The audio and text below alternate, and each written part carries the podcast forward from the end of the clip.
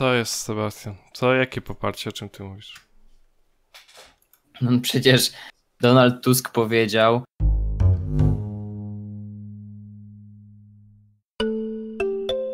Trybuna polityczna. Dzień dobry, witamy Was w kolejnym odcinku Trybuny Politycznej, czyli jedynym obiektywnym podcaście politycznym w Polsce. Ja jestem Patryk, razem ze mną jest mój kolega Sebastian. Cześć, hej! I dzisiaj kompletnie nie wiem o czym rozmawiamy. Sebastian po prostu kazał mi rozpocząć tą piękną naszą dysputę co środową. Więc Sebastianie, o czym my dzisiaj mówimy? Yy, właśnie. Nie mam pojęcia o czym mówimy, dlatego że tak pomyślałem, że zaczniemy totalnie z bomby. Yy, nie mamy totalnie pomysłu jak zwykle, bo nie omówiliśmy sobie, bo nie wiem w sumie dlaczego. To pewnie przeze mnie. Yy, to może zacznijmy od tego, co ja już powiedziałem Patrykowi, że Donald Tusk poparł trybunę polityczną. To jest piękny nagłówek. Tak naprawdę Donald Tusk powiedział to samo, co ja powiedziałem jakiś czas temu, że dla mnie prezydentem powinien być człowiek, który jest politykiem. I Donald Tusk napisał, wysłał tweeta mm, o treści, już nie będę cytował, ale mm, w tym tweetie chodziło o to, że prezydentem powinien zostać polityk, a nie osoba spoza środowiska politycznego. Ja się z tym całkowicie zgadzam i stoję przy tym. Nie wiem, jakim prezydentem byłby Szymon Hołownia, mm, bo to się stricte odnosiło do Szymona Hołowni, oczywiście. Aczkolwiek y, cieszę się, że mam poparcie wśród wielkiego premiera. Największego. Też się cieszę, że zostałeś poparty przez tak wielką personę, wspaniałą, najcudowniejszą na świecie osobę polityczną z Polski. Dobra, a tak serio. Eee, po części też myślę, że mogę się z tym zgodzić, że rzeczywiście ci ludzie, którzy realnie mają jakieś doświadczenie polityczne, są w moich oczach trochę lepiej sytuowani niż ci, którzy tylko dużo mówią na temat tego, że chcą gdzieś się dostać. Ale z drugiej strony, w sumie to jest zabawa dla każdego, tak na dobrą sprawę. Oczywiście, że tak, oczywiście, że tak. Ale jeżeli już jesteśmy przy tej zabawie i było o Szymonie Hołowni, no to może porozmawiajmy o jego sondażach ostatnich. Widzisz, jak no, płynnie. Mm, płynnie, pięknie po prostu to przejście takie wspaniałe, naprawdę. W każdym razie, co do tych sondaży, no cóż. Tak jak mówiliśmy w poprzednim odcinku, Platforma się obróciła napięcie, zrobiła 180 stopni, wystawiła dobrego kandydata, no i zamknęła, tak mówiąc brzydko, ryje wszystkim innym kontrkandydatom Matko z opozycji. Kochana. Matko kochana, co ty powiedziałeś? E, przepraszam, przepraszam bardzo serdecznie za takie wulgarne wyrażenie, nieprzyzwoite, nieprzystojące te... Do programu takiego. Tego programu, tak, tak, do tego programu. Nie no, powiedzmy w sobie każdym... szczerze, Patryk jest po prostu zwolennikiem Platformy Obywatelskiej, jemu ta kandydatura pasuje, jak widać. On. Y, Dlaczego tak mówisz? On jest y, zwolennikiem, sympatykiem, może nawet członkiem partii. No i tutaj, prawda, Dlaczego program miał być apolityczny. Program Dlaczego miał być tak obiektywny. Tak nie tak wiem. Mówisz? To nic z tego, co powiedziałeś, nie jest prawdą. To po pierwsze. To po drugie. To czyli twoim zdaniem program nie miał być apolityczny, tak? No świetnie, świetnie. Po drugie, program jest apolityczny, chciałem powiedzieć, ale oczywiście musisz się mi wbijać w zdanie. W każdym razie, wracając do sondaży Szymona Honi, no on i tak pewnie będzie na trzecim miejscu. Tak mi się wydaje najprawdopodobniej, bo wybory, które odbędą się 28, to już wiemy i możemy powiedzieć na pewno. Wiemy to od wybory, dziś. Tak, wiemy to od dziś, że te wybory odbędą się jednak. Zakładam, że on będzie miał to trzecie miejsce. W drugiej turze oczywiście będzie pan Rafał i pan Andrzej i jeden i drugi będzie pewnie częściowo starał się przejąć elektorat pana Chłowni, choć sądzę, że pan Rafał nieco bardziej niż pan Andrzej, bo pan Andrzej ma inne jakby obszary elektoratu. W ogóle obszary elektoratu to brzmi tak, jakby elektorat był pewnym minerałem. Takie mam teraz spostrzeżenie. W każdym no, razie wiesz, wracając... elektorat pływa, także no tak, dokładnie. W każdym razie, no pan Andrzej z pewnością będzie gdzieś tam, e, gdzieś tam próbował złowić trochę, trochę osób od pana Bosaka, tych takich bardziej przechodzących powiedzmy, tych takich y, niekorowych, bo raczej korowy elektorat Konfederacji się na to nie, nie zgodzi.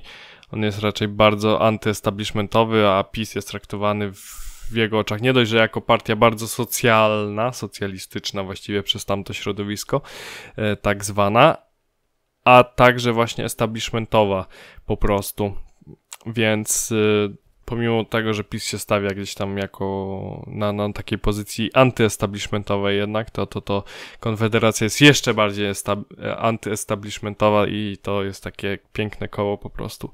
I każdy uważa przeciwną sobie stronę za partie establishmentowe. W każdym razie, wracając, Andrzej Duda będzie łowił z tego, z tego poletka, z tego, z tego basenu, powiedzmy.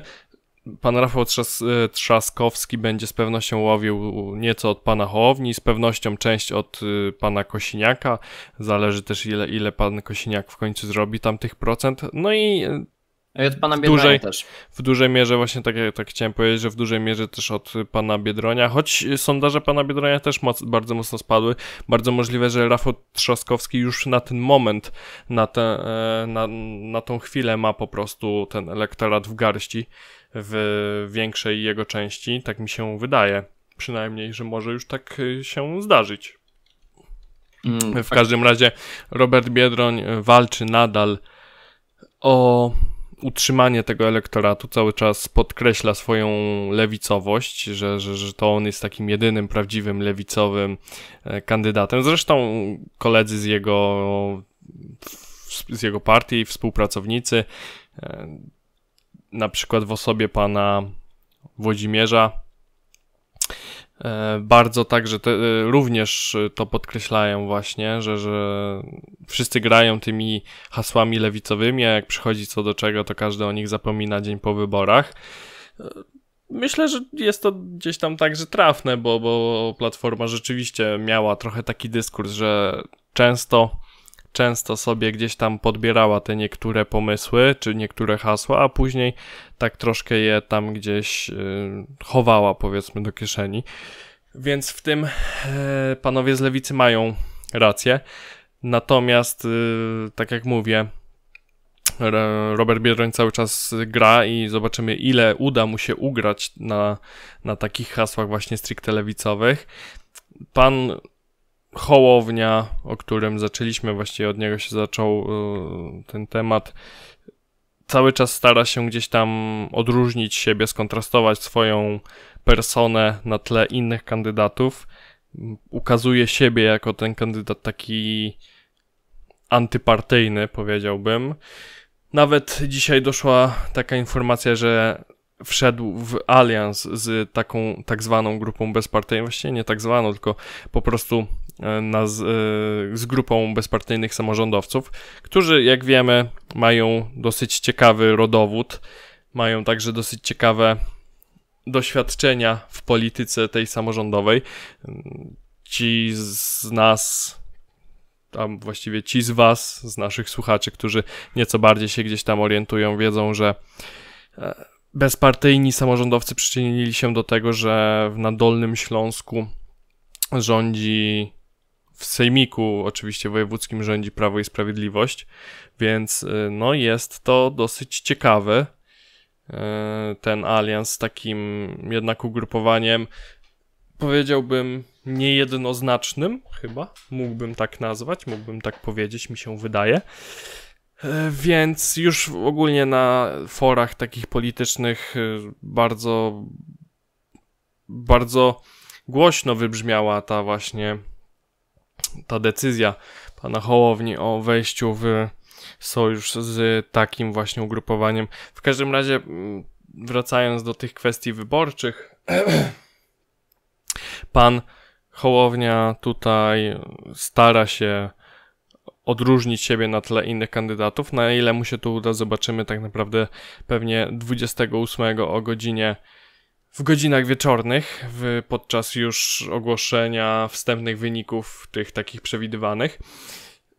Inni kandydaci, pan Bosak właściwie nieco chyba urósł, jeżeli dobrze pamiętam. Tak, tak, mi się wydaje, w sondażach. Nie, nieco sobie urósł, dlatego też pewnie Andrzej Duda będzie chciał y, część z tego um, wzrostu jakby zdyskontować go na swoją korzyść i po prostu przetransferować ten, ten, ten elektorat. No, myślę, że te wybory będą bardzo ciekawe. O tych mniejszych kandydatach możemy na, także coś w sumie wspomnieć, ale o tym już jakby obiecaliśmy w komentarzach, że będzie osobny odcinek, więc, więc ich prze, przedyskutujemy gdzieś dalej. Ale właściwie jeszcze z takich e, stricte z takich stricte wyborczych kwestii to bardzo ciekawe jest to, że pan Hołownia już na etapie tutaj kampanii wyborczej prezydenckiej zapowiedział, że tworzy ruch polityczny. I to jest ciekawe. Co o tym sądzisz, mój drogi kolego? To teraz jest czas na ciekawostkę.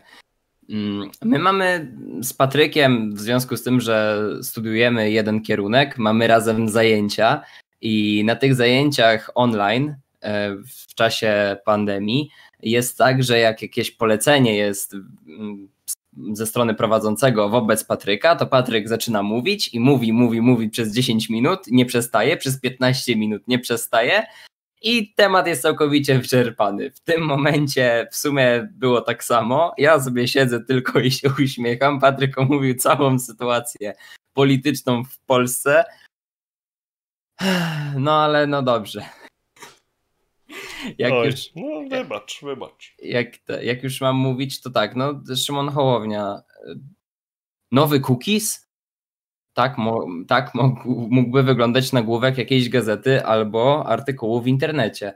Mm, Szymon Hołownia tworzy ugrupowanie. E, czy wybory prezydenckie są tylko grom, która ma jakby przetransferować wszystko na jego ugrupowanie polityczne, które będzie e, rosło, rosło, rosło i będzie się starało w wyborach parlamentarnych o wejście do Sejmu, e, może już nawet w samorządowych, e, bo są wcześniej. No nie wiem, może tak, są wcześniej? Nie, są w tym samym roku. W tym samym roku są. Um, właśnie. Czy, czy to jest tylko gra, czy faktycznie y, pomysł zrodził się w trakcie? Było to wszystko zaplanowane? No bo powiedzmy sobie szczerze, przy takiej kampanii, przy takiej masówce, jednak przy takim poparciu, nie wydaje mi się, że Szymon Hołownia nie planował, że założył ugrupowanie. To jest, wydaje mi się, dość naturalne i było raczej spodziewane, że to, to nie jest tak, że Szymon Hołownia pozyskuje jakieś środki na kampanię, robi ją, występuje, zbiera poparcie, zbiera głosy, startuje, jest dużo szumu, e, dużo programów, e, jego live'y, dużo reklam i tak dalej, i tak dalej, i tak dalej. I on nie wygrywa wyborów, zajmuje trzecie miejsce i koniec.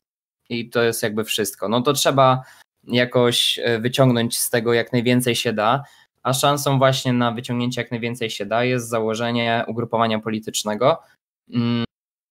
Tutaj wydaje mi się, że nie zostanie popełniony ten błąd y, pana Kukiza, który twierdził, że on nie będzie pobierał subwencji partyjnych i będzie zawsze poza i przez to jego ugrupowanie nie rozwijało się, nie mogło się rozwinąć. Mm, powiedzmy sobie szczerze, no przy takim systemie, jaki mamy w Polsce, subwencje dają bardzo dużo i ja osobiście nie jestem przeciwnikiem subwencji partyjnych, y, to znaczy z budżetu państwa na utrzymanie partii.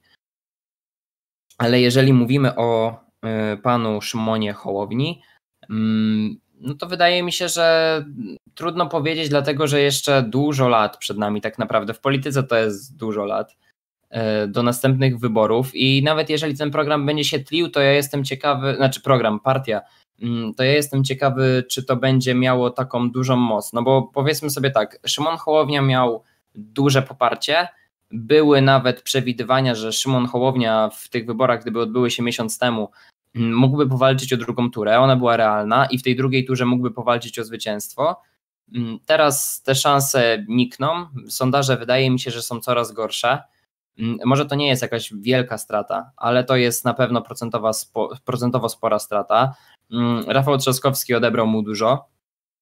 I mm, w sumie jestem bardzo ciekawy, czy z jego partią nie byłoby podobnie. To znaczy, on tworzy teraz partię, ruch pewien, y, nazwijmy to jak chcemy, działa, y, prowadzi jakieś swoje kampanie i tak dalej, y, w tematach istotnych społecznie wyraża swoje opinie, pokazuje się, zbiera swoich zwolenników, buduje struktury i w pewnym momencie rośnie, rośnie, rośnie, jego jest ciągle poza parlamentem i nagle się okazuje, że jak są wybory, to już tego boomu nie ma, już ten hype, mówiąc z angielskiego, spada.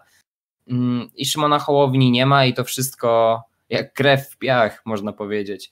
Mm, z drugiej strony mamy partię Razem, prowadzoną przez Adriana Zandberga, e, która rosła właśnie poza parlamentem, e, coraz bardziej przenikała do świadomości i mm, uzyskiwała coraz lepsze wyniki, pokazywała się i lider wykazywał jakieś, y, mm, jakąś aktywność. I tym sposobem weszła do Sejmu. Oczywiście y, jest w, jakby w ramach y, lewicy, nie jako sama partia razem, no ale znalazła się, jej przedstawiciele znaleźli się w Sejmie. To samo można powiedzieć też o Konfederacji, czyli o tej prawicowej prawicy w Polsce, która też była długo poza parlamentem i o ile istniała i o ile jej główny, wydaje się, przedstawiciel, czyli pan Janusz Korwin-Mikke, był na ustach wielu Polaków przez oj, wiele lat, mm, no to jednak tej konfederacji, czy wcześniej innym ugrupowaniom, takim prawicowo-prawicowym, nie, nie udawało się wejść do y, Sejmu przez bardzo długi czas. Teraz się udało w końcu. Więc y, ciekawe, jak to będzie przy następnych wyborach. Sytuacja jest y, w polityce zawsze niestabilna. E, i trudno podejrzewać, że trudno podejrzewać tak naprawdę cokolwiek, co się wydarzy za 4 lata, więc no nie wiem, może, może coś z tego będzie, a może to tak naprawdę będzie taka lokomotywa, która się rozpędzi i jak już będzie blisko stacji, to się zatrzyma, nie wiedzieć czemu. Może tak odwrotnie patrząc na to, może akurat to będzie to, będzie to.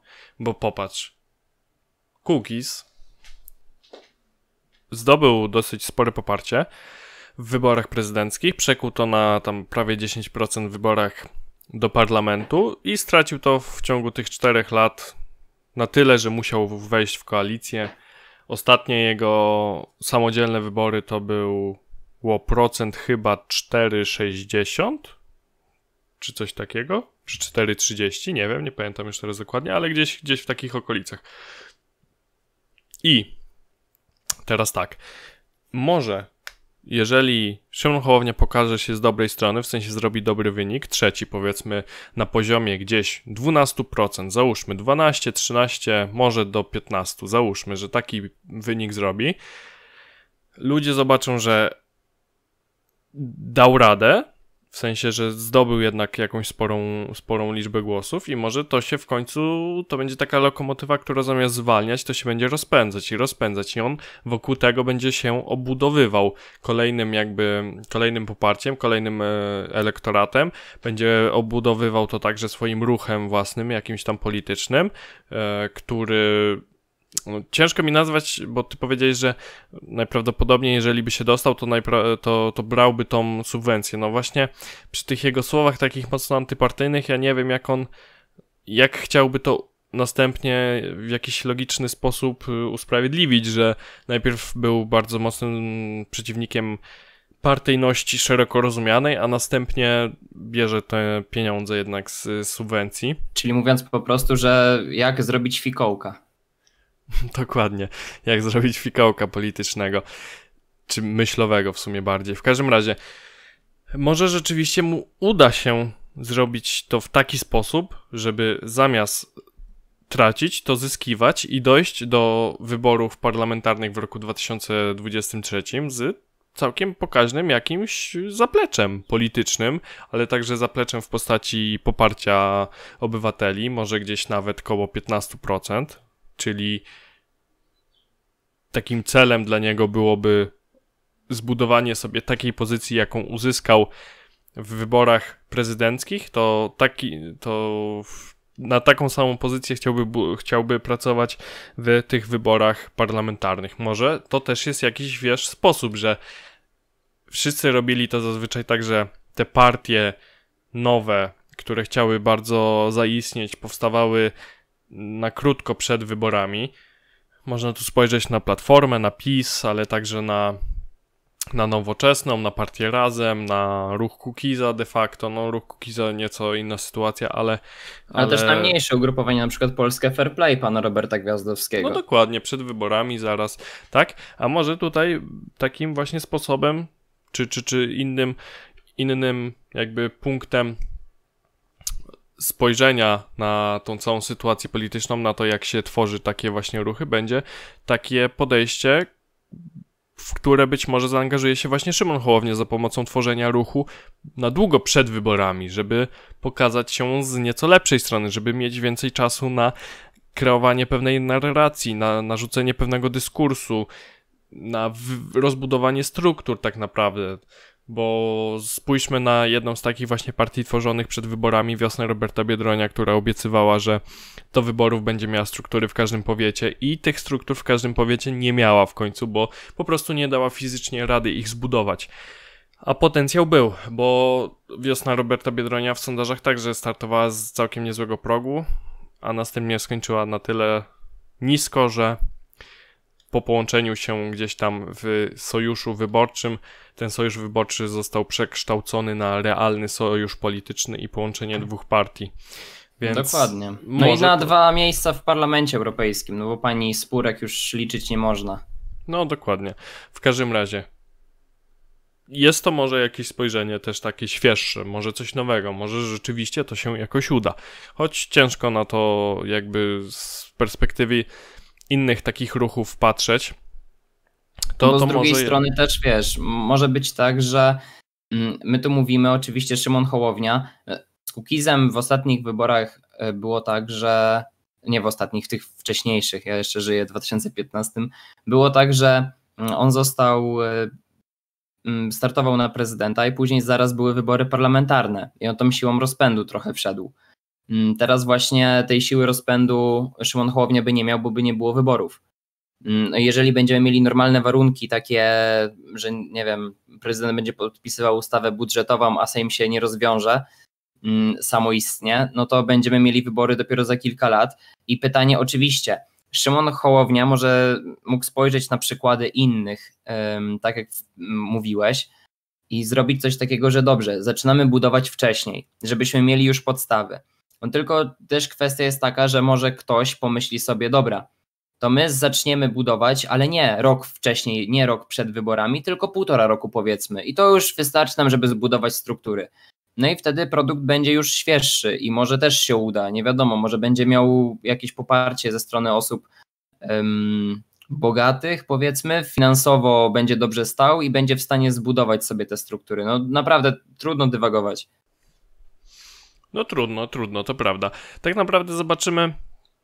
Najbliższe tygodnie zdefiniują to, jak, czy właściwie może inaczej, nie tyle zdefiniują, co narzucą pewne realia, e, nowe realia, i wokół tych nowych realiów będzie budowana cała jakby nowa narracja polityczna, bo jeżeli rzeczywiście Szymon Hołownia zajmie wysokie trzecie miejsce, to ewidentnie będzie znaczyło, że po prostu te takie proobywatelskie hasła jednak znowu się przebijają i znowu się przebijają w wyborach prezydenckich. Wcześniej robił to Paweł Kukiz, teraz robi to Szymon Hołownia. Nieco inaczej, nieco delikatniej powiedziałbym, jednak y, Paweł Kukiz miał taki y, ostrzejszy ten, ten przekaz.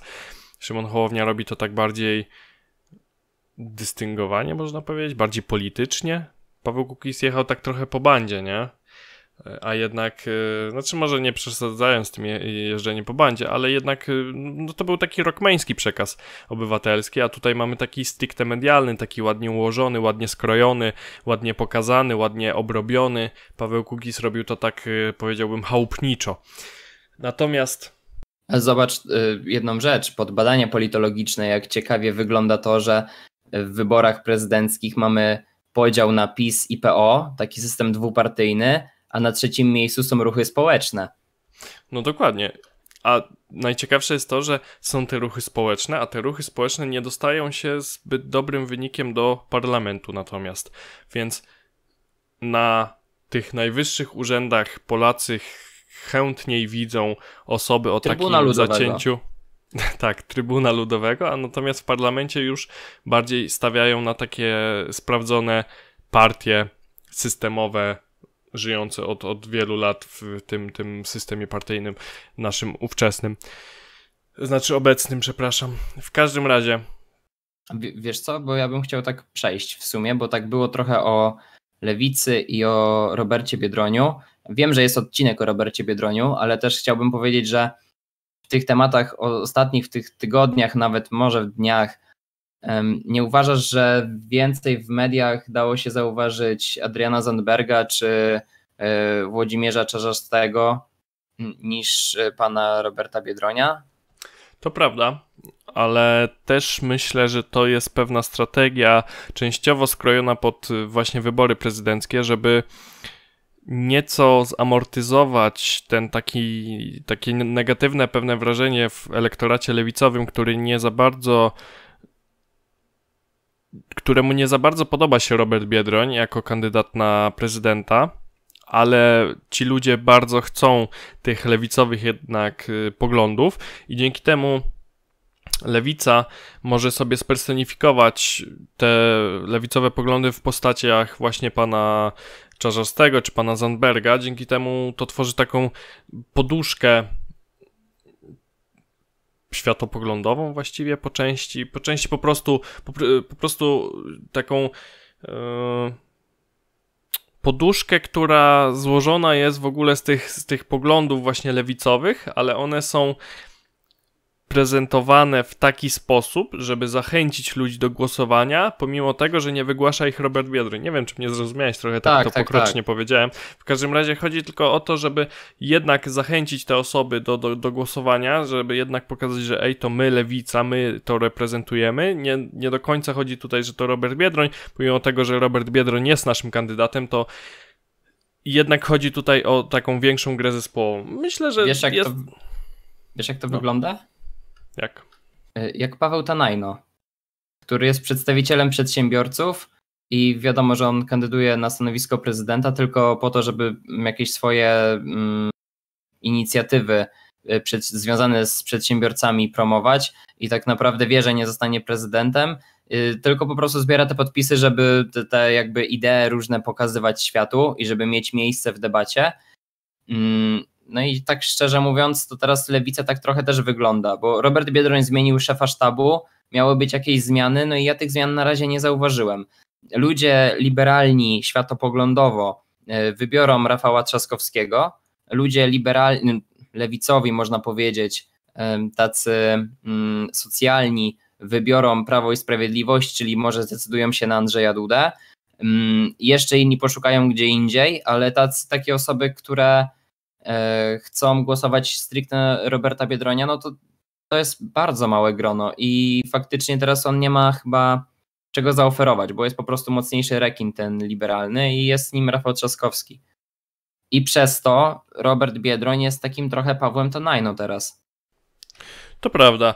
Z drugiej strony też y, tak y, chciałbym, jeszcze może wracając do tej kwestii Pawła Tonajno, myślę, że to nie jest najgorsza jakby strategia, że okej, wiemy, że nic nie ugramy z Robertem Biedroniem w tych wyborach, on zrobi pewnie z jakieś tam 4,5-5%, załóżmy, że tyle zrobi na ten moment. Ale za to przynajmniej podpromujemy trochę lewicę jako taką. Myślę, że jest to jakiś pomysł zawsze na to. Wiesz co, właśnie wydaje mi się, że może właśnie zmiana szefa sztabu też była po to. Nawet niekoniecznie, żeby wygrać wybory, tylko żeby przemianować trochę tę kampanię, żeby bardziej promować lewicę jako taką, niż samego Roberta Biedronia, właśnie tak jak powiedziałeś, żeby y, zyskała sama partia, bo wiadomo, że już tych wyborów się nie da ugrać. No dokładnie. Tym bardziej, że na szali jest y, powiedzmy sporo do wygrania, bo inaczej. Może nie tyle, że na szali jakby, że, że, że jest sporo do wygrania, tylko lewica musi się przygotować na walkę, bo platforma nieco się obudziła, że tak powiem. Zauważyła, że granie w taką grę powiedzmy takiego środkowego zawodnika ciągle nie jest zbyt dobre, że trzeba mieć w końcu jakieś poglądy, że trzeba coś, coś jednak zrobić. Myślę, że bardzo mocno się przekonali, wystawiając panią Małgorzatę Kidawę-Błońską o tym. Myślę, że bardzo ich to uświadomiło, kiedy okazało się, jak w ogóle Rafał Trzaskowski stał się poniekąd fenomenem, bo w dwa dni jego notowania były pięciokrotnie, sześciokrotnie chyba wyższe niż pani Kidawy nawet. Zakładając oczywiście, że miała tam te 4% nawet, y, więc, więc po prostu platforma chyba trochę zrozumiała, że musi jednak coś zrobić i myślę, że platforma może się wewnętrznie przygotowywać na pewne zmiany, jeżeli Rafałowi Trzaskowskiemu pójdzie całkiem przyzwoicie w tych wyborach. Jeżeli jeżeli rzeczywiście mu pójdzie całkiem nieźle, to Platforma Obywatelska po prostu może chcieć w końcu zagarnąć część właśnie elektoratu na przykład lewicowego. Może tak, y, takie próby gdzieś tam y, wystosować w stronę właśnie swojego sąsiada z ław y, parlamentarnych. Chociaż nie, nie sąsiada, bo oni chyba siedzą pomiędzy PSL-em a PiSem. W każdym razie nie, PSL siedzi obok tak PiSu. No, no nie, tak, no, no, no, no, no. To, to, to jest w każdym razie jakiś tam oddech. Na pewno będą chcieli się bić, dlatego też chyba lewica trochę to rozumie i zakasa rękawy do tego, żeby te idee lewicowe krzewić właśnie tymi najmocniejszymi graczami na tej właśnie, po, po tej stronie sceny politycznej. I myślę, że to może być właśnie bardzo ciekawe po wyborach prezydenckich, co się stanie, jak y, będzie się budować, jak będzie się kreować ta właśnie nowa narracja. To może być bardzo ciekawe do obserwowania. No dobra, a teraz ja chciałbym się ciebie zapytać, dlaczego program publicystyczny e, kształtujący opinię publiczną w Polsce, jakim jest niewątpliwie Trybuna Polityczna, e, przemilczał e, kandydaturę Krzysztofa Bosaka oraz Władysława Kosiniaka-Kamysza wyborach prezydenckich, proszę bardzo. My przemilczeliśmy ich? Nie, w tym odcinku ich nie, nie było nic o nich jeszcze. Nie, no tego musimy, że... musimy, tak, ale musimy szerzej teraz właśnie w tym momencie. Dobrze, szerzej, okej. Okay. Szerzej to powiem tak. Pan Bosak zagrał... Rośnie. Rośnie. rośnie. Zagrał po prostu dobrą, dobrą... Jak się mówi? Bo wypadło mi to słowo. Talię kart zagrał dobrą? Nie, partię kart, czy, czy jak? Partię. Ogólnie, Partię tak? Dobrze, w każdym razie zagrał dobrą gierkę ogólnie polityczną. zagrał, zagrał to dobrze. Y, urósł w sondażach ewidentnie. Jest znaczy inaczej, ma pozycję już jakąś jednak. Dzięki temu zyskała też Konfederacja, która w sondażach wybija się na 9-10%, więc jest jakiś postęp w tym środowisku, zdecydowanie. To co pan Bosak zrobi dalej w wyborach, czy po wyborach właściwie, to jest bardzo ciekawa kwestia, bo być może, jeżeli te wybory skończą się całkiem dobrze dla pana Bosaka, to może on się nawet pokusić o mm, budowanie sobie pewnej takiej jakby hegemonii w tym obozie konfederacyjnym. Może tak być. Więc y, w każdym razie pan Bosak zdecydowanie zagrał to dobrze i wizerunkowo, i jakby w, w, tym takim obrębie światopoglądowym gdzieś tam dobrze, pomimo tego, że niektóre poglądy dla części społeczeństwa z pewnością mogły być nieco bardziej kontrowersyjne, to on i tak ubierał to mniej więcej w takie słowa, żeby trafić nawet do, do tych y, takich, powiedziałbym, bardziej skorych obywateli. Oj, powiem ci, że jego program poruszył e, środowisko lewicowe w Polsce, muszę ci powiedzieć. No, no dobrze, no nie, oszukuj, nie, nie, nie ukrywajmy i nie oszukujmy, że, że pan wiesz, że pan Bosak jest jakimś człowiekiem, który będzie poruszał serca lewicowe. Raczej e, to jest człowiek, który porusza prawicę, tą taką mocną prawicę, centroprawicę i właśnie poruszył też część takiego elektoratu środka, E, który bardziej gdzieś tam się zapatruje na, na, na tą część prawicową, ale jest taki bardziej umiarkowany, bardziej może skupiony także na takich kwestiach właśnie gospodarczych, a nie tyle światopoglądowych. I pomimo tego, że te niektóre, tak jak wspomniałem, niektóre poglądy są z pewnością gdzieś tam kontrowersyjne dla takiego elektoratu, to jednak poprzez dobrze dobierane przekaz medialny, poprzez dobrze generowany w ogóle ten przekaz medialny, gdzieś tam do nich trafił, myślę. W każdym razie. Wiesz, co mi się wydaje? Tak, yy, tak teraz wpadłem na myśl. Co do Krzysztofa Bosaka się zgadzam, e, tak tylko dopowiem, że on wyborów nie wygra, ale będzie miał dobry wynik, dobry jak na prawico-prawicę mm, i Konfederacja dzięki temu na pewno mm, umocni swoją pozycję. Mm, a jeżeli chodzi o Władysława Kosiniaka-Kamysza, to on był kandydatem Platformy Obywatelskiej w tych wyborach prezydenckich, aż do momentu, kiedy Platforma Obywatelska wystawiła swojego kandydata. O, a to pięknie powiedziane, powiem ci. Bardzo podobało mi się to stwierdzenie. W każdym razie, rzeczywiście, zgodzę się z tym. To, to, to się zgodzę, że, że gdzieś tam była taka możliwość scedowania trochę tego poparcia na, na, na Władysława Kośniaka-Kamysza. On niestety oczywiście wrócił, znaczy niestety dla oczywiście pana Kośniaka-Kamysza wrócił. I dla nas, dla nas, bo no tak, zawsze w sercu. Tak, zawsze w sercu. Serce zawsze zielone. W każdym razie y, ten elektorat wrócił oczywiście do macierzy, do, do, do Rafała Trzaskowskiego, jak tylko on w, został wystawiony przez Platformę Obywatelską. Z jednej strony szkoda, bo mogło być, mogły być to bardzo ciekawe wybory, gdyby się one tak potoczyły. Oczywiście Platforma nie mogła sobie na to pozwolić, bo straciłaby całkowicie swoją jakąś tam pozycję polityczną, wybudowaną której nie ma już za dużo, powiedzmy, od, od, od czasów, kiedy rządziła, ale jednak jakaś tam ona jest jeszcze, e, więc, więc po prostu nie mogła sobie na to pozwolić. Co do samego pana, pana Kośniaka, no to ewidentnie widać, że on trochę przycichł teraz. Myślę, że, że zrozumiał po prostu, jak wygląda sytuacja. Jest to człowiek raczej o dosyć niezłym zmyśle zmyśle politycznym i po prostu rozumie, że, że, że przy takim układzie sił i przy takiej, takim, takiemu zbiegu, zbiegowi, splotowi, splotowi bardziej wydarzeń różnych, e, po prostu nie ma jakby sensu dalej grać na, na, na, na 100%. On będzie gdzieś tam się umacniał, on i tak będzie miał pewnie całkiem niezły wynik jak na, na kandydata e, PSL-u. Mm, przypomnijmy, o czym wielokrotnie wspominaliśmy, że ostatni, e, ostatnich kilka kandydatur z, z, tego właśnie środowiska zdobywało raczej gdzieś tam pod, pod 2% chyba e, wyniki e, w wyborach prezydenckich, więc myślę, że jest to i tak będzie, znaczy inaczej, myślę, że i tak to będzie całkiem niezły wynik, jaki e, pan Kosiniak zrobi i z pewnością dzięki temu też częściowo umocni, myślę, swoją pozycję, że, że, że jednak to jest taki PSL-owiec, który zrobił całkiem niezły wynik. Nie, trudno mi oszacować. Sondaże te najnowsze dają mu bardzo mało, bo dają mu gdzieś tam koło 5. Ja myślę, że on jest trochę więcej niż 5. Myślę, myślę, że gdzieś tam może być trosz, troszkę więcej, może gdzieś tak pod 7, może 7-8. 7-8 moim zdaniem.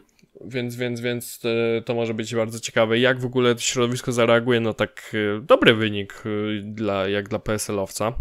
To jest też to taka sprawa, że w momencie, kiedy wybuchła pandemia, mm, Władysław Kośniak-Kamysz jako lekarz, jako osoba taka konsyliacyjna, spokojna, stonowana, mm, on był lepszym kandydatem dla wielu Polaków niż inni, dlatego że był właśnie takim spokojnym człowiekiem, który wyglądał na osobę, która się może zaopiekować w trudnym momencie.